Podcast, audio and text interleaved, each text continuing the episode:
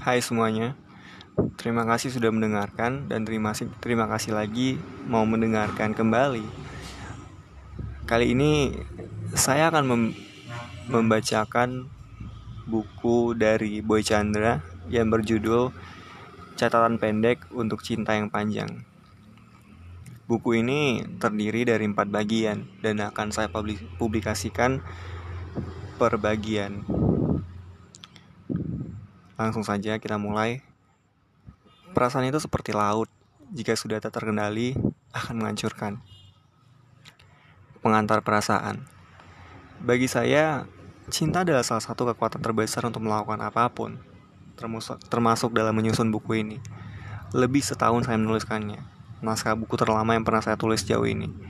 Karena memang saya harus melakukannya dengan momen-momen yang terjadi, masa-masa jatuh cinta, masa-masa dijatuhkan, masa-masa bertahan bertahun-tahun, juga masa-masa kembali bangkit setelah dicampakkan. Di setiap bagian dalam buku ini selalu ada satu momen atau satu orang di dalamnya. Meski tidak semuanya adalah pengalaman cinta saya, beberapa saya tulis berdasarkan pengamatan saya terhadap pengalaman cinta orang-orang di sekitar saya. Juga beberapa saya tulis sebagai jawaban atas curhatan teman-teman di email. Kesemua tulisan dalam buku ini adalah perenungan panjang atas kesalahan, atas keinginan, atas kelalaian, atas usaha saya dalam memahami perasaan. Saya sengaja menulis tulisan di buku ini dengan pendek-pendek. Yang saya ingat, hampir sebagian besar hanya empat paragraf.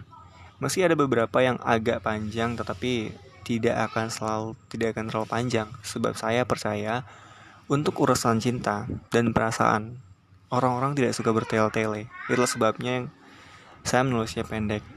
Satu tulisan, satu perenungan akan perasaan.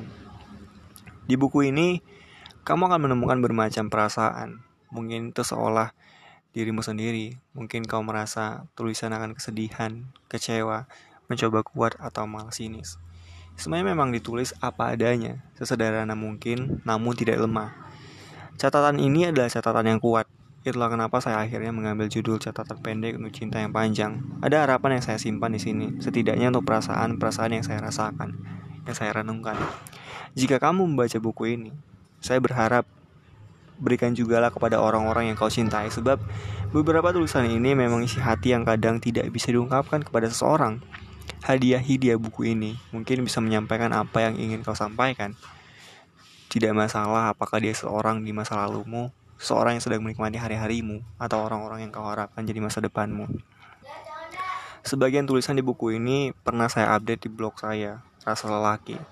Kau boleh membaca dari berbagai bagian mana saja, pilih judul yang kau suka atau tulisan yang sedang sesuai dengan perasaanmu. Sebab di buku ini saya menulis mulai dari momen itu cinta sampai perasaan yang hanya bisa dikenang.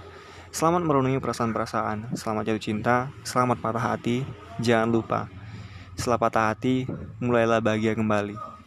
Boy Chandra